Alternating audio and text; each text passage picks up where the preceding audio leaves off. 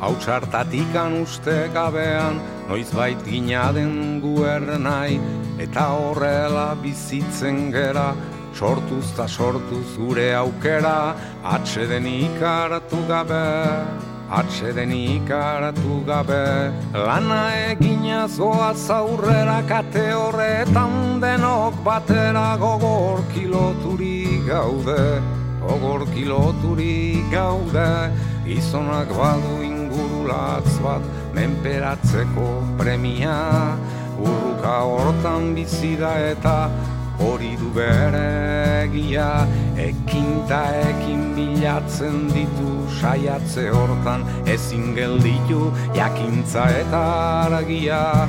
Jakintza eta argia. Bide ilunak nekez aurkitu. Lege berriak noiz baiter ditu. Hortan jokatuz bizia bizia ¿Qué tal estáis? Bienvenidos a la Casa de la Palabra. Vamos a seleccionar tres entrevistas que las teníamos guardadas con cariño para volverlas a emitir y llega ya el momento. Para empezar, vamos a escuchar los sonidos del bosque a través de un libro, un libro muy especial, pues bien ilustrado con atmósferas captadas en medios naturales bastante puros y salvajes.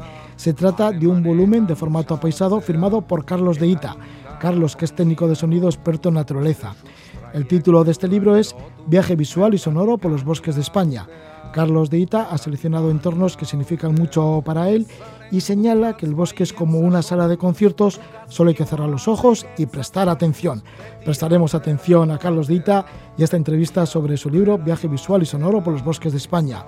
Luego vamos a, a recobrar una entrevista de una visita que hizo aquí al estudio el periodista catalán Marc Serena, quien dirigió el largometraje documental El escritor de un país sin librerías. La película está guiada por Juan Tomás Ávila Laurel, escritor de Guinea Ecuatorial. Mar Serena fue a grabar el documental a Malabo, en la isla de Bioko, capital de Guinea Ecuatorial, y se ha metido de lleno en dar a conocer la situación cultural y social de esta antigua colonia española en África, un país que no tiene ni librerías ni cine. Estaremos también con Manuel Aguilera, el expresidente fundador del Fondo Amigos del Buitre. Está en la provincia de Huesca y cuida a estas grandes aves y de vez en cuando pues sale a otros países con planes de conservación. Nos va a hablar de cómo se desplazó al sur de Chile para, para observar el vuelo del cóndor, el buitre americano, el más grande del mundo. Una pluma de cóndor mide 60 centímetros. Escucharemos a Manuel Aguilera en el sur de Chile, pero también ahora para empezar estamos con Carlos Dita y esos sonidos del bosque.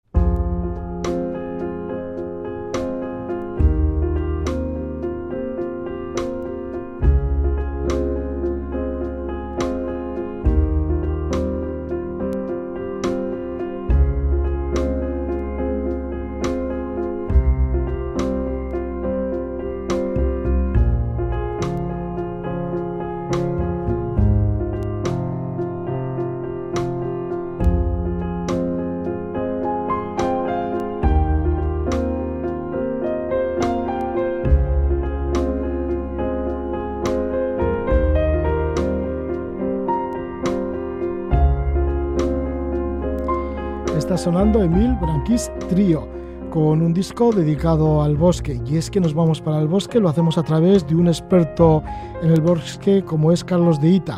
Carlos de Ita, que es técnico de sonido y su último libro lleva el título de Viaje visual y sonoro por los bosques de España. Incluye una aplicación de los sonidos del bosque. Carlos Dita, que nació en Madrid en el año 1959, es especialista en la grabación de sonidos de la naturaleza y el paisaje sonoro, actividad que comenzó a practicar hace más de 30 años. Es guionista de documentales, ha trabajado en el sonido de películas, documentales, ha editado discos y libros. Después de 30 años de oficio, tiene un amplísimo catálogo de grabaciones en los paisajes de España, con incursiones también en África, en la selva del Camerún, en Asia, en América, estuvo en la Amazonía. Carlos Dita vive en Balsain, en un valle con un gran pinar en la cara norte de la Sierra de Guadarrama. Nos habla de su libro Viaje visual y sonoro por los bosques de España. Bienvenido, Carlos de Ita. Muy buenas noches. ¿Qué tal? Muy buenas noches. Bueno, pues este libro es un libro que suena.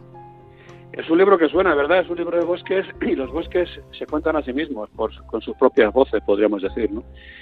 Es un libro, digamos, por una parte convencional, de un libro con textos y fotografías que resume, pues, muchos años pasando por los bosques Y luego hay una especie de libro virtual superpuesto, que es la banda sonora, son los paisajes sonoros grabados en esos bosques que, que están ahí descritos, que se escuchan por medio de un código QR que está impreso en cada bosque. El libro es también como muy visual, con un montón de fotografías a color de cada uno de los bosques de los que tratas. Sí, bueno, yo te digo que es una, es una triple lectura del bosque, ¿no? La visual, la, la literaria, la descriptiva con palabras y la de sonido.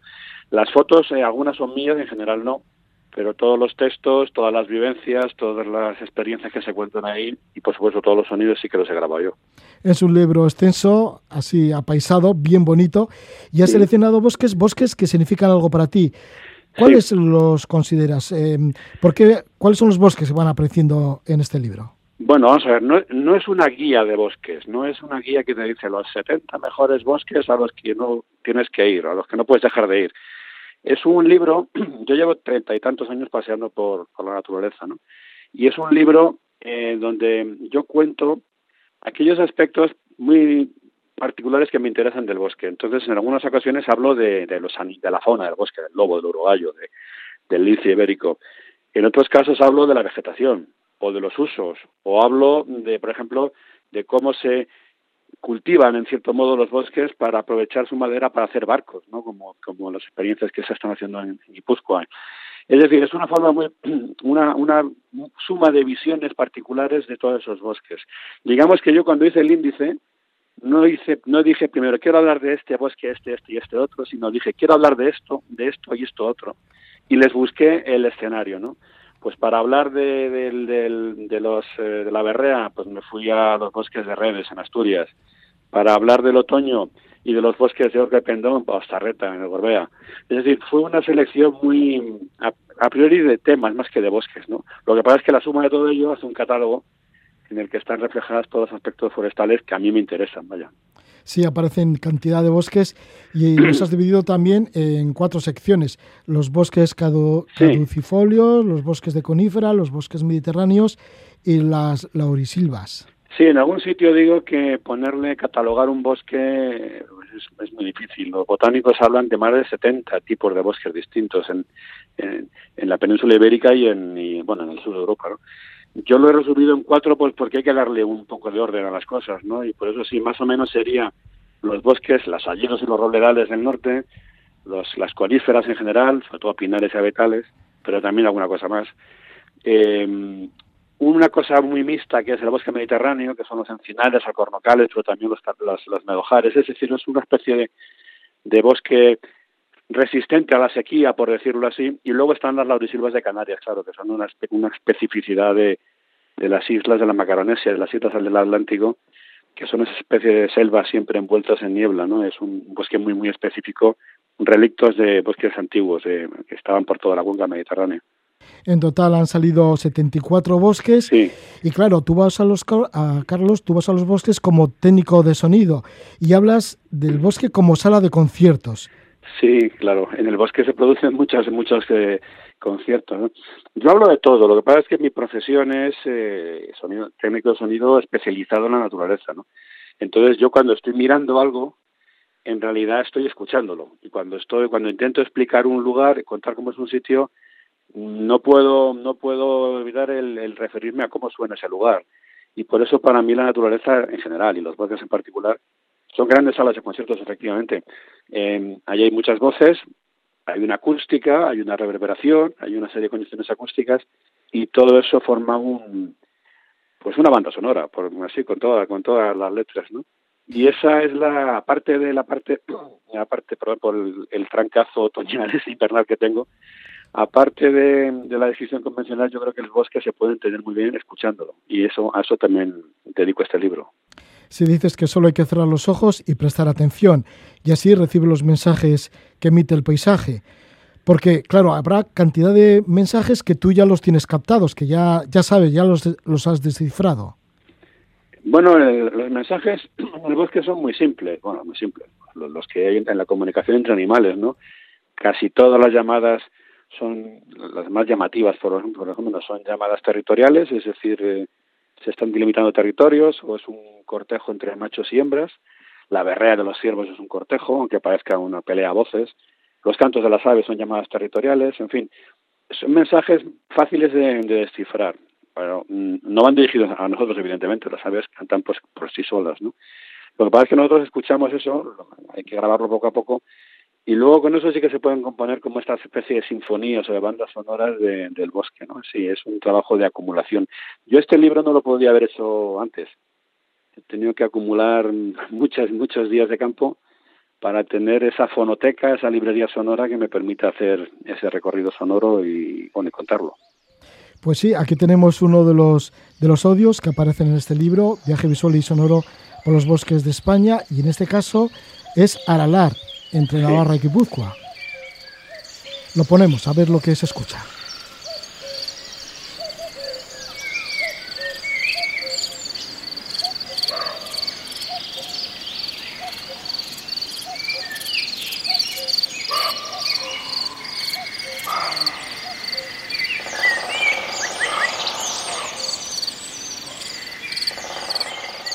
¿Qué bosque más sonoro este de Aralar? ¿Qué es lo que podemos apreciar?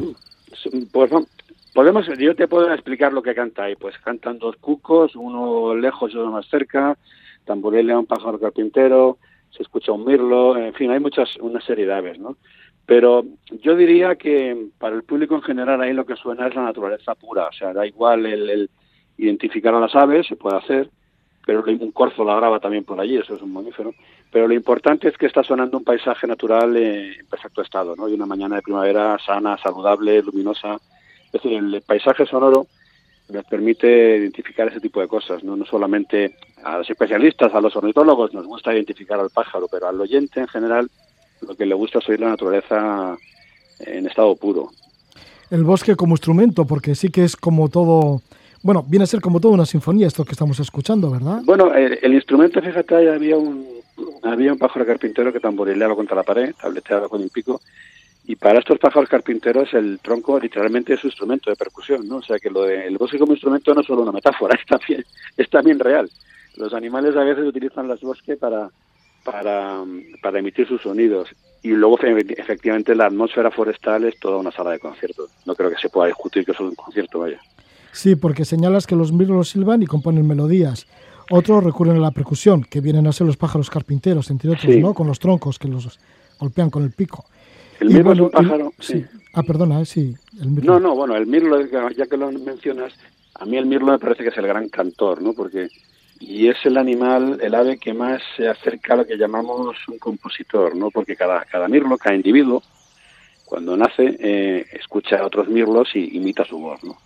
Pero cada individuo va buscando una frase, eh, y al principio son muy torpes y hacen cosas muy, muy, muy, muy desafinadas, pero a poco a poco van afinando y cuando encuentran su propia frase, su, su estrofa, la fijan y ese pájaro la repetirá de por vida, siempre la misma. Entonces tú puedes reconocer a un mirlo, a un individuo por su canción. Claro, eso eso se parece mucho a componer, a lo que hacemos los humanos, o lo que hacen los humanos que saben componer música. ¿no? Y por eso también es esa admiración por los cantores del bosque. Los insectos rascan y zumban, los anfibios croan. Y luego, bueno, pues has catado también a grandes animales, ¿no? Como por ejemplo a los lobos. Sí, el lobo lo he grabado unas cuantas. El lobo lo he oído más que he visto. Lo he visto muy pocas veces y lo he grabado, lo he oído unas cuantas más. Y ahí hay una grabación de, lobos, una manada entera, aullando al anochecer, ya casi de noche, en, en Muniellos, en, la, en el bosque de Muniellos, en Asturias, que además es uno de esos momentos que no se pueden olvidar, porque eh, me acompañaba un, un, biólogo que conoce a los lobos y nos metimos sin querer dentro de la manada. Y la manada empezó a aullar a nuestro alrededor y esa es la grabación. Esos son momentos esos inolvidables que está ahí reflejado como si fuera... Ahí está, ¿no? Está el lobo alfa llamando y todos los demás respondiendo. Lo escuchamos.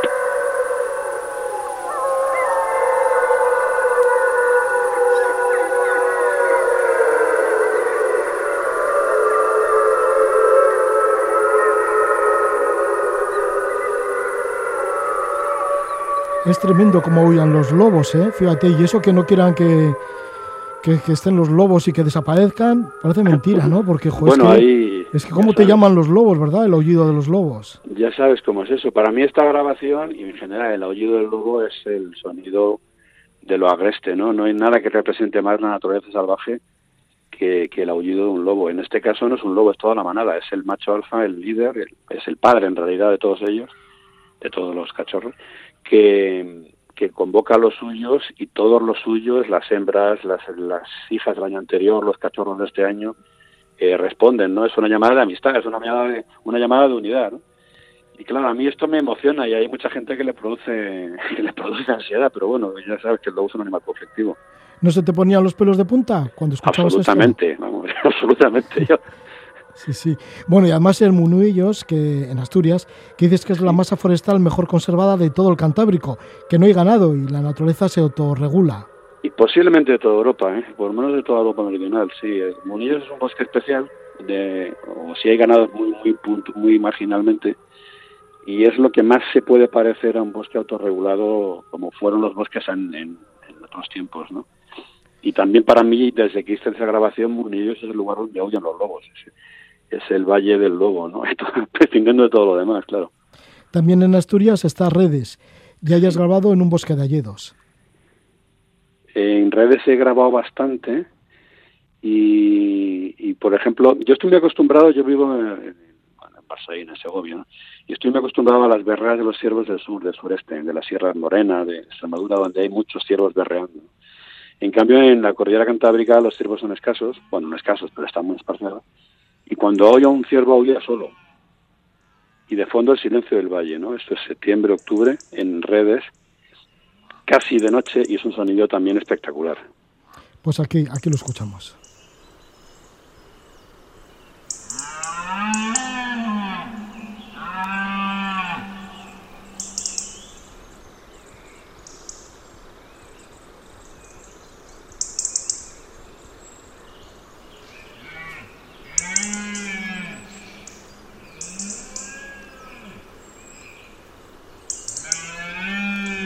Da la sensación que estamos metidos allí, ¿verdad? Dentro de esta Claro, porque no son solamente los ciervos los que están berreando, son los que predominan, pero ahí escuchamos, se atardece, había una corneja, hay algunas aves, algunas aves, y suena un arroyo, suena el valle, suena el paisaje entero, ¿no? No es solamente el animal que grita, que el bramido este que retumba, que parece como una pregunta, ¿no? Y se queda sin respuesta, sino que es todo el valle el que envuelve, el que arropa por eso decía yo que es un espacio acústico, una sala de conciertos, ¿no? porque no son solamente las voces, es el lugar donde, donde esas voces suenan, lo que se puede ver, ver de oídas, podríamos decir, no ver con el oído. Pues terminamos con los sonidos de Ocharreta. Esto está en el Gorbella. Sí, eso es uno de esos halledos espectaculares, eh, podados a horca de pendón, que se dice, que son las hayas en forma de candelabro, para carbón o para lo que fuera en otra época, ¿no? Y aquí es una tarde, un crepúsculo hacia la calle de la tarde en otoño. Es el bosque vacío, podemos decir. Algunas voces a lo lejos y el silencio del bosque. A ver cómo suena.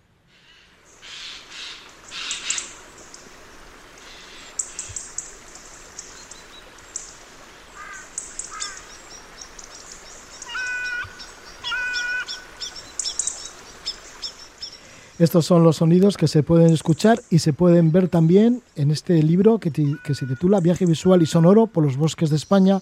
Estamos con su autor, Carlos de Ita, gran conocedor de los sonidos del bosque y del paisaje. Carlos de Ita, técnico de sonido y desde hace más de 30 años pues paseando por esos bosques y con muchísima paciencia porque dices que la primera herramienta de un buen técnico de sonido del bosque y de la naturaleza pues es la paciencia.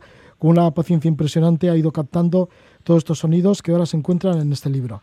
Pues muchísimas gracias por estar con nosotros, Carlos Deita, y que vaya todo bien. Ah, por cierto, que Viaje Visual y Sonoro por los Bosques de España lo edita, lo edita Anaya Tuning. Venga, buenas noches.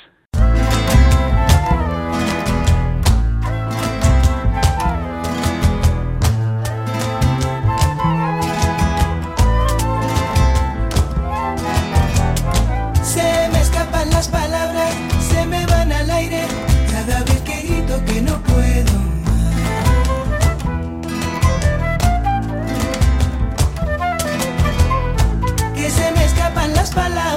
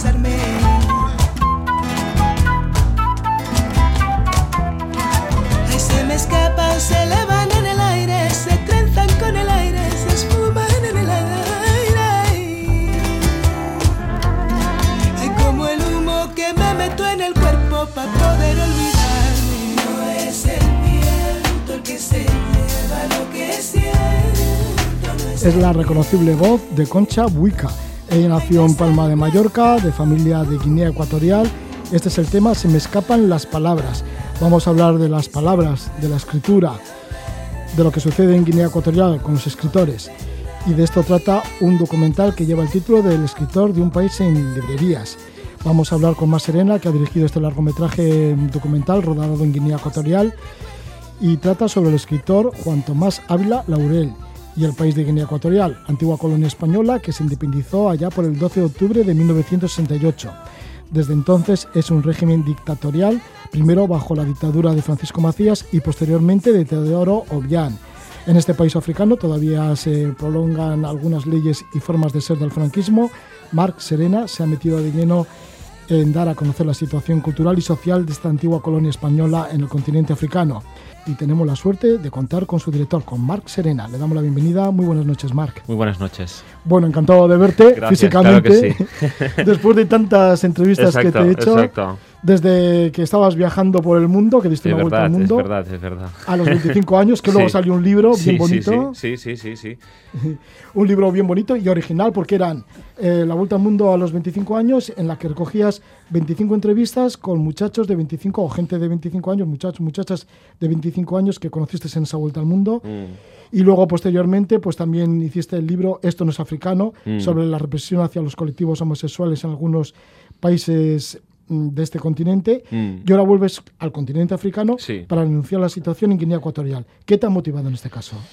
Pues bueno, que siempre que hablamos de África, o sea, se habla muy poco de África, eh, a pesar de ser el segundo continente más poblado del mundo, a, pesar de ser el futuro de, de, nuestro mundo en muchas cosas, de ser un terreno muy fértil y lleno de recursos naturales, de estar nosotros súper al lado de África, casi nunca hablamos de África. Pero ya de lo poco que hablamos de África, ya nunca nos acordamos casi de Guinea Ecuatorial, a pesar de que este país se acuerda muchísimo de España porque hasta hace 52 años era una provincia española y aún ahora pues habla español, eh, hay una churrería en Malabo, hay turrones en los supermercados, la gente mira la que se avecina, eh, la gente eh, sigue aún en la órbita de España y bueno, y, es un país de los menos visitados del mundo, de los menos accesibles, no es posible entrar como turista, es, prácticamente no hay periodistas, no hay, cuando hay elecciones nadie va a vigilar que las elecciones se hagan bien, entonces como,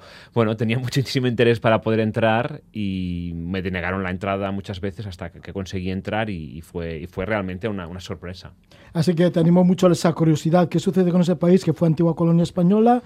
que tiene eso, pues esas raíces también en el castellano, porque todavía es idioma oficial el castellano, pero sin embargo es un país, como dices, muy aislado, igual mm. el país más aislado del continente africano.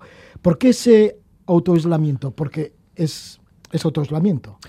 Sí, ahora el, país desde lleva, lleva 40 años con el mismo dictador. Es una de las dictaduras más longevas del mundo. El dictador se llama Teodoro Bianc y es un señor que se formó en la Academia Militar de Zaragoza.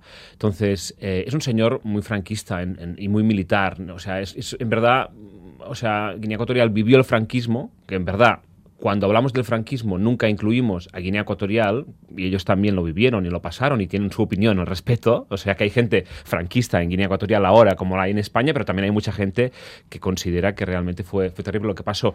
Y el régimen actual, el de Obiang, de algún modo es una dictadura heredera de este franquismo. Y, de hecho hay leyes vigentes eh, en Guinea Ecuatorial ahora mismo que son de la España del 66. O sea que realmente eh, el funcionamiento... Yo por mi, soy de una generación que no he vivido el franquismo, por suerte, pero para mí estar en Guinea Ecuatorial es como estar en un país franquista, o sea, un franquismo tropical, eh, un franquismo, bueno, a, la africana, pero, pero ¿qué, ¿y qué hacía el franquismo aquí en nuestro país? Pues aislaba, aislaba. ¿Y qué, qué hace ahora Guinea Ecuatorial? Pues aísla a su gente. ¿Cómo lo hace a día de hoy? Por ejemplo, Internet en Guinea Ecuatorial es del más caro del mundo. Eh, no hay una censura súper bestia en todos los medios de comunicación. Eh, bueno, no hay derecho a hacer una manifestación, no hay librerías, no hay cines. Eh, bueno, o sea, realmente es una represión muy bestia y muy, muy extrema. ¿no? Realmente todo lo que pasa en Guinea Ecuatorial es muy extremo. Es muy, es muy la pobreza, la corrupción, la, belleza, todo muy, muy extremo. Sí, yo sé que viví los años del franquismo, los últimos años del franquismo, y cuando íbamos al colegio, pues veíamos el mapa de España y Guinea Ecuatorial aparecía como una provincia más de Exacto. española. O sea, que ellos eran, dentro del franquismo, una, provincia. Una, provincia. Sí, sí, sí, era, era colonia, era provincia, era parte de España, em, y bueno, y, y de hecho, o sea, la situación ha ido o sea, ha sido tan dura desde aquel momento, desde el franquismo hasta ahora, que incluso hay gente en Guinea que hasta cierto punto hay gente que son nostálgica incluso del momento español, ¿no? O sea, que porque, bueno, como la situación actual no es mejor, dicen, bueno, es que igual con España, si hubiéramos seguido y tal.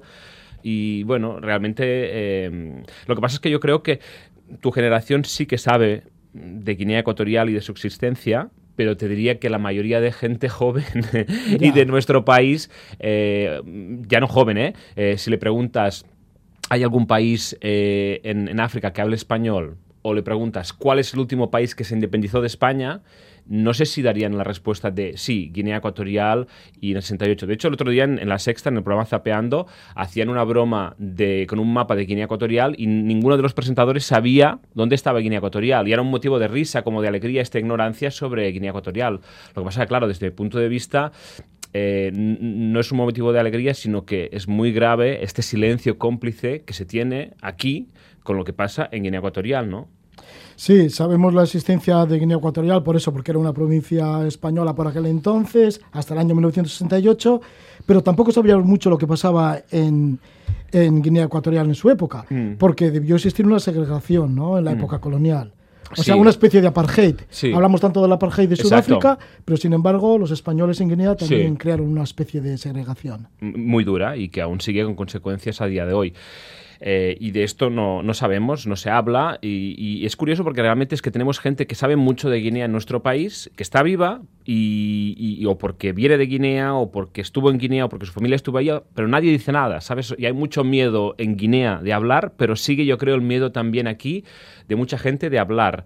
Eh, el tema está que el tema de la Guinea Ecuatorial era secreto de Estado en España hasta entrada a la democracia. Eh, y ahora ya no es secreto de Estado, o sea, se puede hablar, pero parece un poco de, que de facto, o sea, oficiosamente lo siga siendo, porque nadie dice nada, sigue siendo un tema muy, muy desconocido. Y de hecho, una de las cosas más sorprendentes es que la información principal que mucha gente de España tiene de Guinea Ecuatorial es una película. En 2015, la película más vista en España, Dos millones de personas fueron a verla en los cines. Es Palmeras en la Nieve.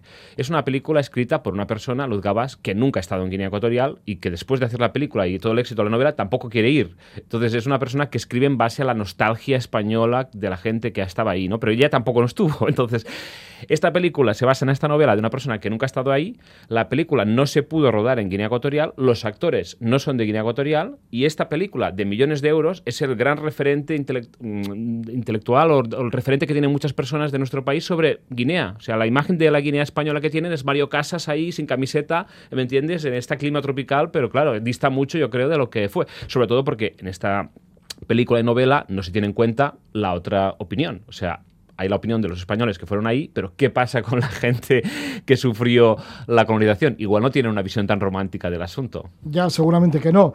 Lo que sucede es que, fíjate, con esa relación que hubo tan estrecha, ¿no? De la gente de España que iba a trabajar allí, a esta provincia, por aquel entonces colonial, pues sí que, por ejemplo, había muchas empresas madereras vascas, cantidad, mm, porque vas mm. allí por, por Cogo, que anteriormente se llamaba Puerto Iradier, pues la mayoría de las empresas son nombres vascos. Aparece mm. allí la Virgen de Begoña, por ejemplo. Pues hay una tradición, pero sin embargo no se han recogido todas esas historias. Mm. Bueno, en el caso de... Athletic tenía también jugadores de fútbol, ¿no? Jones y todo esto. Entonces, claro, hay muchas vinculaciones. Hay unas vinculaciones tremendas. La mm. pena es que no se han recogido esa historia y esa generación ya está desapareciendo. La generación que vivió ahí en la época de, la, de la colonia está desapareciendo y todas esas historias se esfuman. Es una pena también. bueno, por eso igual lo, lo de Luz Gabás, por lo menos pues ha recogido la historia de sus familiares, de esos familiares que del Pirineo se fueron allá a Guinea Ecuatorial y tal y cual. Es una visión, es, una, visión, es una ¿eh? visión, pero el problema es que no está contrastada. Es decir, que no existe también sí qué piensa también la gente colonizada. Sí, por lo que quiere decir que hay un montón de vacíos. que hay historias que se, van a perder para siempre por esa generación que vivió en la colonia, pero que no ha contado sus historias. Y luego está la gente de Guinea Ecuatorial que también tiene que contar lo que sucedía en la época de la colonia. Y lo que pasa ahora. Y lo, que pasa ahora, y lo que pasa ahora. Que para eso has hecho el documental. y, por eso estás aquí, ¿no? No, porque también parece que el tema de Guinea a veces sea una cuestión nostálgica, de la memoria histórica, del franquismo, de tal. Bueno, sí, pero ¿y ahora? Porque claro, o sea, eh, todo esto en, Guinea se lee ahora. Es decir, tú vas a un bar y pides un carajillo y te lo, o sea, y te lo dan. O sea, porque todo esto sigue presente. Es que estamos hablando de 50 años. Todo esto es muy reciente. Marc, ¿y qué pasa ahora? Porque tú has tenido esa oportunidad de entrar, no sé cómo habrás conseguido el visado, pero has entrado a Guinea Ecuatorial y además para rodar una película que lleva este título, El escritor de un país sin, sin librerías. Hmm. Y es que, ya has dicho, no hay, no hay librerías, hmm. pero es que en Guinea Ecuatorial tampoco hay cines, ya también lo has hmm. comentado, tampoco hay periódicos. Bueno, entonces, ¿cómo entras y cómo haces este documental, El escritor de un país sin librerías? Bueno, sobre los periódicos tengo que decir. Un país que, es una dictadura. Sí, no, no, completamente. O sea, sobre los periódicos sí que tengo que decir que técnicamente hay periódicos ah. que no salen cada día. Eh, lo que sí que es cierto es que, claro, no tienen nada de periodismo. Es decir, hay radio, hay tele, hay periódicos, pero lo que hay ahí al final es una cadena de transmisión de, la dictadura. Casi muchas veces es como casi la televisión familiar, porque al final eh, Guinea Ecuatorial está gobernando por una familia. Entonces, en la tele de vez en cuando pues ponen los vídeos de la boda, eh, ¿sabes? Como las imágenes de, como si tuvieras tú personalmente una televisión, metieras tus fotos y tus cosas. Cuando es el aniversario del dictador, pues todo el mundo le felicita. Las, de hecho, eh, estuvimos en el rodaje durante el aniversario de Obiang, que no hay nadie en el mundo que celebre su fiesta de aniversario eh, de una manera más eh, fuerte, porque es como que durante meses solo se habla del aniversario, todo el mundo le felicita, la radio la tele durante todos los días van hablando del aniversario, aquel día es fiesta, o sea, realmente es una fiesta de aniversario siempre muy, muy sonada. Entonces, bueno, sí, nosotros, yo creo que el documental en sí estará mejor o peor, pero la gracia que tiene es como es que el primer largometraje documental que se rueda en Guinea Ecuatorial, que es crítico con Obiang y que muestra un poco todo esto, ¿no? Y, la idea un poco es que la gente vea el documental y que saque sus conclusiones. Mm, cada uno podrá pensar lo, que quiera, pero que por lo menos se vea. El problema está que realmente este tipo de, películas y documentales nos pasa lo mismo que a nuestro protagonista. El protagonista, Juan Tomás Ávila Laurel, es el escritor más traducido de Guinea Ecuatorial. Ahí en Guinea sus libros pues no se leen, no se pueden comprar, no lo entrevistan y él aquí, a pesar de que escribe en español, pues tampoco nadie sabe nada. Estos libros de, Guinea Ecuatorial, escritos por gente de Guinea Ecuatorial, no nos llegan, no están en las bibliotecas. Sí, es como la propia historia de Juan Tomás Ávila Laurel, ¿no? Que eso, que es un es el escritor guineano con más, más libros escritos en castellano. O sea, bueno, además diríamos que es el escritor africano que escribe en castellano con más libros. Sí, es que escribe muchísimo Juan Tomás. Que además es estudiado en universidades, por ejemplo, en Estados Unidos, pero sin embargo en su propio país, en su tierra, no es conocido o no, o no le dejan ser conocido. Claro, para mí Juan Tomás es como una bomba desactivada. O sea, realmente, eh, ¿cómo podemos saber cosas de Guinea Ecuatorial? O sea, no se puede entrar como turismo. Los medios de comunicación ni de aquí ni de allí no hablan muchísimo. La agencia EFE no tiene corresponsal. No hay imágenes casi. A través de Internet es difícil. Entonces, la literatura y los libros de estos escritores son los que nos permiten entrar en Guinea Ecuatorial. Entonces, realmente los libros de Juan Tomás son, son fantásticos, pero, por ejemplo, el mejor libro de Juan Tomás, que es Art del Monte de Noche, que es el que está traducido más lenguas, no se puede encontrar en español, está solo en inglés o en francés. Entonces, claro, o sea, incluso es difícil a veces acceder a, este tipo de, libros, ¿no? Parece, ¿no? En este mundo que lo tenemos todo, todo está en Internet, lo, podemos saber todo, pues a veces no, no es bien verdad. Le escuchamos a Juan Tomás en una parte, en un extracto de este documental, El escritor de un país sin librerías. Soy de una isla diminuta del Océano Atlántico, Annobón, una piedra en medio del mar. Cuando era pequeño formaba parte de España. En la escuela nos obligaban a hablar en español y a creer en Dios. A los de mi isla nos dieron apellidos de ciudades españolas como Sabadell, Valencia, Santander, Zamora. Y a mí me tocó ser Juan Tomás Ávila Laurel. Y nací en un país, Guinea Ecuatorial, que ahora está siendo gobernado por uno de los dictadores más viejos del mundo, Esto es lo que nos contaba Juan Tomás Ávila Laurel. Bueno, lo que cuenta en este documental, escritor de Un país en librerías. Bueno, un extracto, porque claro, contará mm. muchas cosas más. Mm. Sí, además que... dice que es de la isla de Anobón, fíjate, esa isla tan pequeñita y en el Océano Atlántico. Bueno, es que claro, la misma, o sea, la construcción de, de, país es ya colonial, es decir, las fronteras y el modo como está... Lo que es Guinea ahora es una decisión que no fue de, la, de la gente de Guinea, que son distintos grupos étnicos. Claro, hay una parte que está en el continente, donde hay Bata como ciudad más importante, una ciudad... Um, hecha por los españoles y para los españoles, lo escribe muy bien en su último libro, Yolanda Shala. Después hay la capital, la isla de Bioko, y ahí está Malabo.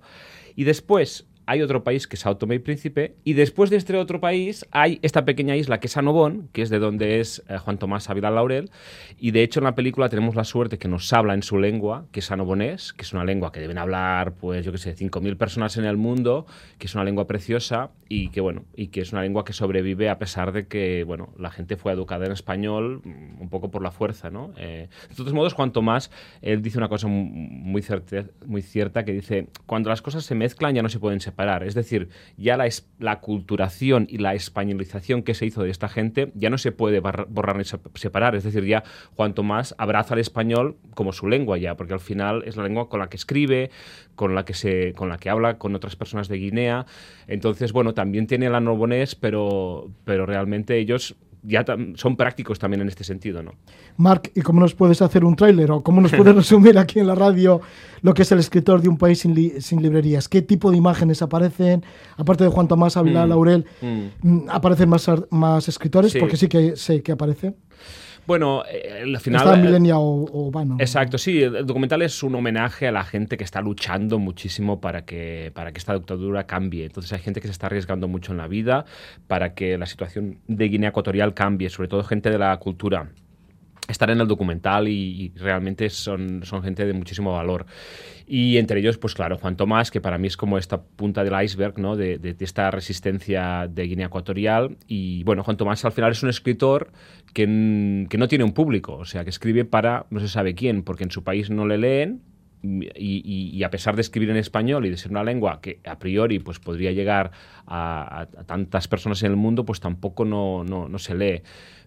Yo siempre digo una cosa, ¿cuántas veces no hemos oído hablar del concepto América Latina ¿Y por qué nunca nadie ha dicho nada de África Latina? Pues existe una África Latina también, existe Guinea. Pero claro, ya Juan Tomás también tiene otra frase que dice, nadie ama lo que no conoce. Entonces, claro, eh, realmente Guinea Ecuatorial, mm, al no conocer de Guinea nos perdemos pues esto, su literatura, su música, eh, las cosas que nos puede aportar la gente de Guinea que está en, España. Entonces, bueno, nos perdemos un poco una, riqueza también, ¿no? Además de que nos perdemos conocer parte de nuestra historia. Bueno, pues para dar a conocer Guinea Ecuatorial y lo que sucede en este país dictatorial, está este documental, El escritor de un país en librerías. Con nosotros su director Marc Serena, le agradecemos mucho su presencia. Que vaya todo muy bien. Gracias, Marc. Gracias, hasta la próxima.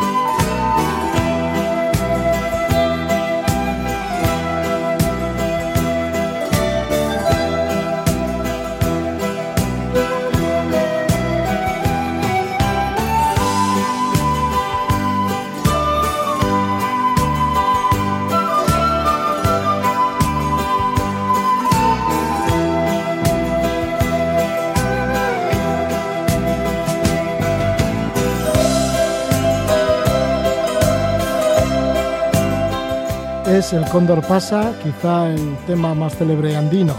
Nos vamos a ir hacia el Cóndor y nos vamos hacia la América más austral para avistar cóndores. Hasta allí ha llegado Manuel Aguilera, se ha ido al sur de Chile. Manuel Aguilera, que es un gran entendido y amante de los buitres, convive con ellos literalmente en el Prepirineo de Huesca, ya que Manuel Aguilera es presidente fundador del Fondo Amigos del Buitre y vela por su protección en la provincia de Huesca ha creado cinco muladares para que estas aves puedan alimentarse. Y también ha ido al exterior porque, por ejemplo, en la cordillera de Drakensberg, en Sudáfrica, también abrió varios muladares y uno en Gambia. Esta vez pues ha ido a ver al cóndor en Chile, en la parte más al sur de Chile. Le damos la bienvenida a Manuel Aguilera. Muy buenas noches, Manuel. Hola, buenas noches. Que nos escuchas desde Binaced, que es tu localidad en Huesca, en el Prepirineo, y esta vez pues has dejado el continente africano y has dado el salto a América y te has ido pues a la parte más austral. ¿Por qué te has ido al sur de Chile a buscar al cóndor? Bueno, eh, mi intención era estar en África en estas fechas, ¿no? Pero un señor me comentó que había unos cóndores en un lugar, en los, en los Andes, donde eh, criaban en los tejados de las casas. Y eso me quedó un poquillo como diciendo, eso tengo que saber dónde es y encontrarlo. Entonces, pues nada, no me fui a África y me fui a, a Chile, pero ya que iba a Chile, pues pretendí saber hasta, hasta qué punta, hasta, hasta dónde de Chile eh, hay cóndores, ¿no? En lo más al sur, más austral, o sea, círculo polar ya antártico, ¿no? Llegué hasta el Cabo de Hornos, haciendo allí mis, mis carroñadas, ¿no? Por cierto, estuve cuatro o cinco días enfermo por culpa del aire, allí el aire es terrible, es muy frío y me enfrié bastante, ¿no? Pero bueno, localicé una pareja en la, eh, cerca de Puerto Williams, en los dientes de Navarino, unas montañas que hay allí, ¿no?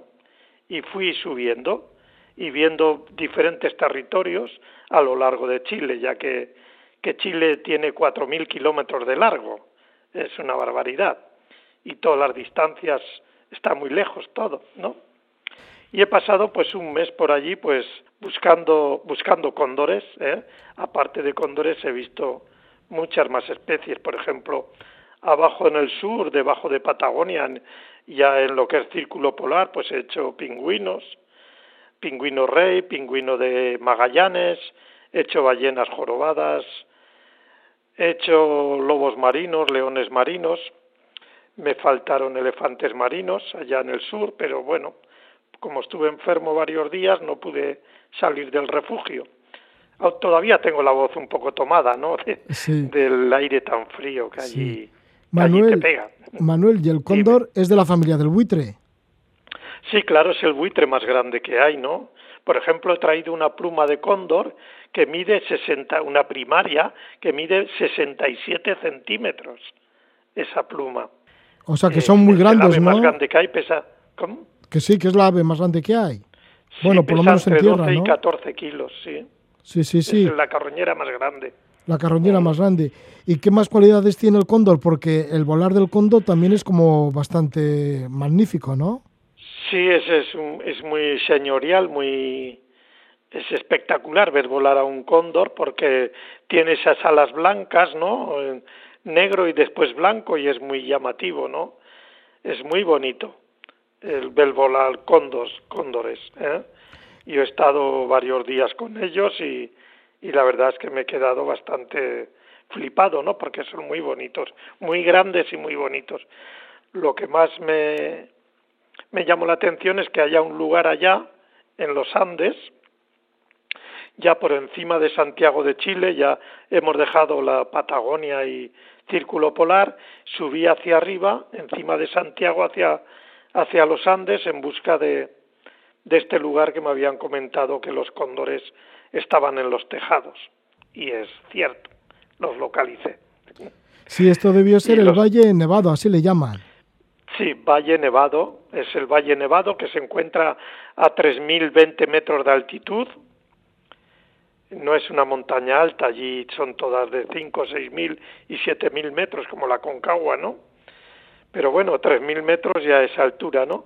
Y allí hay un lugar donde han hecho unas pistas de esquí y hace unos años han hecho edificios de 15 pisos o de 20 de altos y los han hecho junto al pie de los acantilados, ¿no? Y los cóndores, en, vez de anidar, criar eh, en, las, en los cañones, porque hay muchos, resulta que se han trasladado este grupito de unos 20 a los tejados de, de estos edificios. Y es espectacular porque parecen cigüeñas allí en los tejados. Sí, es muy ellos, bonito. claro, igual llegan a los tejados confundiéndose con riscos o con, con Sí, altitudes claro. así para cobijarse, para poner sus nidos. Lo que ocurre es que al estar al pie del acantilado, el edificio, para entrar y salir les va muy bien, porque no tienen más obstáculo delante. Y como son aves tan grandes, pues les va muy bien la entrada y la salida en estos tejados. Y la gente de allí pues los quiere y, y los respeta, les cae muy bien. Mira que destrozan los tejados, porque hay tejados que están destrozados, pero la gente allí no, al revés, les gusta tenerlos. Sí, porque el cóndor será, es todo un símbolo, un símbolo de los Andes. Es todo un símbolo en los Andes y es, es un ave bastante querida y bastante respetada. ¿eh? Hay muchos lugares allí que le llaman mirador de los cóndores. Bueno, todo está relacionado con los cóndores. El cóndor es vive. Bastante llamativo. Sí. ¿Y el cóndor vive en colonia o son también bastante solitarios? Normalmente lo que me extrañó es que cuando el cóndor va a anidar, busca un agujero en solitario y anida, ¿no? Y luego vive en colonias. Yo estuve, por ejemplo, en, en un rancho que se llama Olga Teresa y ahí hay un dormidero con unos entre 150 y 200 cóndores, pero solo van por la noche a dormir. Cuando es la época de cría se dispersan y cada uno busca su, su casita en una pared y, y anida. Y me llamó la atención que en estos tejados, yo he puesto estos días fotos en Facebook, todo el mundo se le ha extrañado estas cosas, ¿no? Que haya tantos tantos pollos juntos en, en un tejado, ¿no? Pero así es, yo no sé si han nacido allí o han llegado allí o lo que sea. La realidad es que llegaban los adultos, les daban comida y los adultos se iban. Eso lo he documentado todo. ¿Y sucede que los cóndores están muy asociados a las personas? ¿Son sociables? Sí, todas las aves carroñeras, ¿eh? Desde tiempos inmemoriales, las aves carroñeras siempre han estado asociadas a, a los seres humanos. ¿eh? Si no hay seres humanos, las, las carroñeras pues prácticamente desaparecen también porque siempre han estado asociados a nosotros. Mira, yo he estado en África mucho, en muchos lugares de África, con carroñeras y, las he visto en los tejados de las casas, los buitres en, gran parte de África. ¿eh? Aquí en, en España igual, ¿no? Muchas veces los buitres cuando tienen hambre o lo pasan mal se van donde hay gente y ahora en América pues eso, están en los tejados de las casas. Si vas a la India ocurre lo mismo. ¿eh? muy asociados con las personas. Son especies que muy sociables y, que, necesitan a los humanos. Manuel, pues sí, has ido al sur de Chile, has estado en Puerto William, la ciudad más austral del continente americano, incluso has bajado todavía más en busca del cóndor, has estado por las montañas dientes de Navarino, que se encuentra por la zona de Puerto Williams, y luego también te fuiste a Torres del Paine en busca de los cóndores estuve en Torres del Peine, pero había tantísima gente que, que pasé de entrar, no quise entrar. Entonces conocí ahí un muchacho que tenía un rancho y entonces pues me fui con él porque tenía pumas, hay pumas en este rancho y me dijo que a él no le importaba que le mataran de vez en cuando una res, que le gustaban los pumas y que tampoco hacían tanto daño. Y quería poner el rancho pues para el tema de, de turismo, de naturaleza, ¿no? Y entonces me dijo, sobre todo, darme propaganda. Digo, claro que te haré. Pero no llega a ver el puma. ¿eh? Yo vi allí cóndores, bastantes cóndores, y por falta de tiempo, al estar enfermo unos días en Puerto Williams, pues me retrasó un poquito la expedición. Ten en cuenta que iba solo y, y cuando uno va solo a un país así, pues eso, a veces te equivocas y tienes que hacer eh, retroceder para atrás, para adelante y bueno, se pierde bastante tiempo. Si volviera a ir, sabría dónde ir ya. Esta finca debe ser grandísima, esta que tiene los pumas y se ven también los cóndores. Sí, 14.000 hectáreas. ¿Y cómo se llama? Ya que dije, te dijo que... Pues ahora me haces una pregunta que me pillas. Ah, vale. La he puesto en Facebook, el nombre de él, porque no me acordaba. Vale, bueno, pues Pero ya, en Facebook está puesto. Si alguno entra en Facebook del Fondo Amigos del Buitre o en el Facebook de Manuel Aguilera, de Manu Aguilera, verán allí los datos por si quieren viajar hasta allá y no quieren entrar a las Torres del Paine, eh, en esa finca es espectacular. Además, esta persona es una bellísima persona que, es muy atenta y sabe bastante de, de naturaleza. Manuel, bueno, pues también estuviste por las colonias de pingüinos, en la zona del estrecho de Magallanes, también en busca del cóndor, pero bueno, ahí claro, verías, yo que sé, ballenas, pingüinos, de todo, ¿no? Sí, sí, sobre todo en el estrecho de Magallanes y en, y en el Cabo de Hornos vi bastantes ballenas jorobadas, como ahora es verano austral, aunque allí hacía bastante frío, pues bueno, no es el frío del invierno, ¿no? Y el día es muy largo. Ten en cuenta que cuando yo estuve allí ahora, pues eh, se hacía de día a las cuatro y pico de la mañana, a las cuatro por ahí, y de noche a las doce, o sea que, que de oscuridad teníamos unas cuatro o cinco horas máximo, ¿no? Entonces es la época en que las ballenas bajan de, del norte a alimentarse de krill a estas zonas. ¿eh? Eh, todo Sudamérica, toda esta parte de Patagonia, son todos fiordos y, se ve bastante ballena en estos fiordos. Así que Porque el mar está bastante tranquilo, aunque haga viento frío, las aguas están bastante tranquilas. Sí, los has, lo has gozado mucho entre ballenas corcovadas o yubartas, ahí en la zona de, de, Punta Arenas y el estrecho de Magallanes, y el cóndor, que es lo que ibas a buscar. Sí, a mí lo que, como me dicen mis hijas, solo buitres.com, si no hay buitres no viajo yo a los sitios, ¿no? Ya. Y me gusta llegar y ver todas las demás especies que conviven con las carroñeras. A fin de cuentas, es el alimento de ellas. Manuel Aguilera, todo un experto en buitres y en esta ocasión pues he ido en busca del cóndor, que también pertenece a la familia del buitre, que es el buitre más grande que hay en el mundo. Muchísimas gracias Manuel Aguilera por expresarnos, por darnos el testimonio de esa experiencia en el sur de Chile. A vosotros, muchas gracias. Manuel Aguilera, que ha ido desde Huesca a ver volar al cóndor al sur de Chile. El tema que vamos a escuchar para despedir la Casa de la Palabra lleva el título de Plumas de cóndor al viento. Lo hace Sky Willinson, todo un clásico del rock argentino. Que disfrutéis de la noche.